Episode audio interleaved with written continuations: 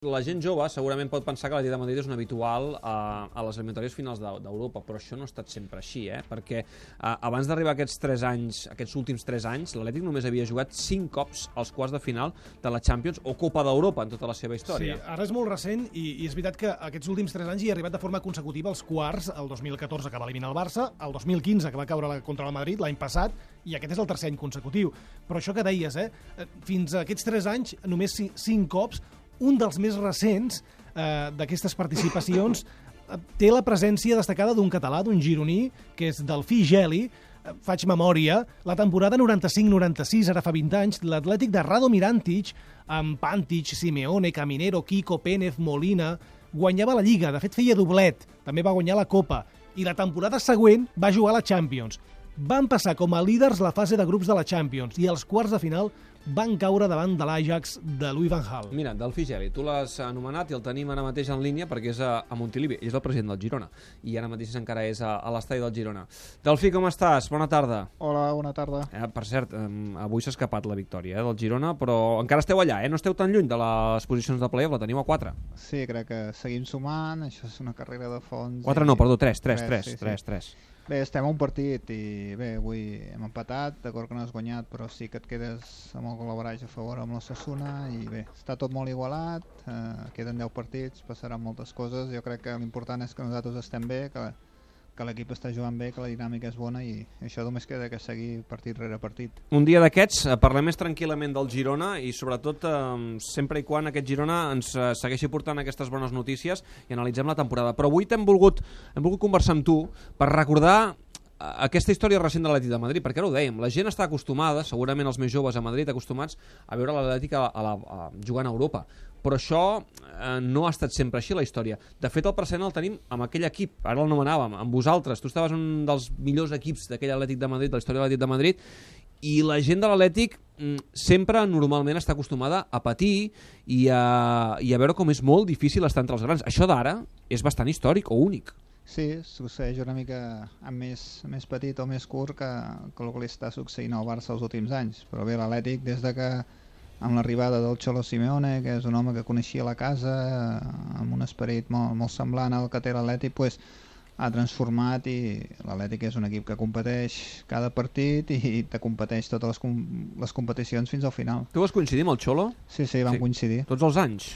Bueno, eh, vam arribar junts, sí que ell després va marxar, crec que al cap de 3 anys a l'Inter, i bueno, al cap d'un temps sí que va tornar, que jo ja no hi era. Com era ell quan era company teu de vestidor? Bueno, jo crec que eh, ja veieu com és, molt intens, eh, viu el futbol, abans ja, ja ho era així, eh, pensava el futbol les 24 hores al dia, et despertaves al matí, em veia l'habitació i et parlava del partit, ja, ja el vivia, eh, en el vestidor era el que una mica el que, que aixecava, el que, que, que motivava la gent. Eh, bueno, és, és, és, l'esperit aquest que té ell, competitiu, eh, agressiu en el bon sentit de la paraula i de, de, de guanyador, no? És una mica molt eh, com venen molts jugadors sud-americans aquí. Mm, clar, però jo recordo, quan, jo era petit quan jugava a Simeone, i pensava, si en aquell moment em diuen que hagués estat un entrenador d'èxit, potser no m'ho hagués cregut per la manera que tenia de jugar. Això, jugador de, de, de molta sang al camp, però potser eh, no haguessin pensat que també tindria tants recursos tàctics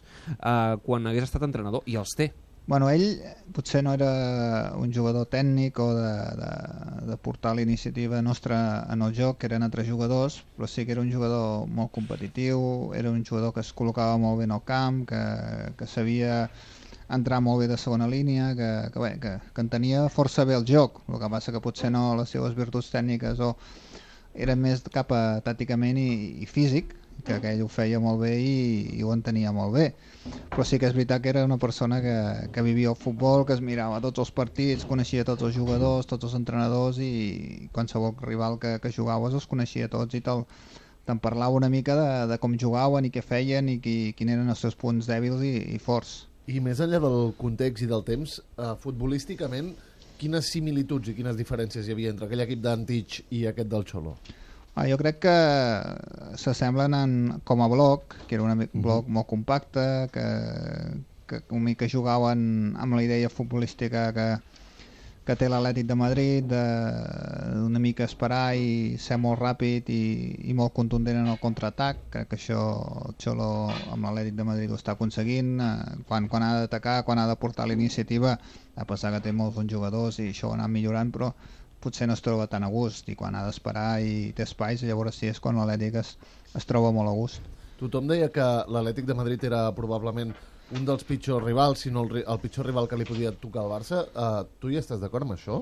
Jo crec que era cert una mica per, per, per la intensitat, per la feixuga que segurament serà l'eliminatòria, per, per lo difícil que ho ficaran, per que, la, la manera que ho competiran, eh, a més és un rival espanyol que és diferent, sempre sembla que és una mica diferent, i és un equip que, que bé, que, que té una mica l'avantatge de, de jugar primer aquí, que pot, pot fer una mica més el seu joc, tranquil a darrere i esperar per, per sorprendre, i llavors si, si ells no, si el Barça no aconsegueix un bon resultat o, o no sé què per, per endavant a l'eliminatòria és quan ells es converteixen molt perillosos. Tu has estat cinc temporades, oi, a l'Atlètic? Correcte, sí, sí.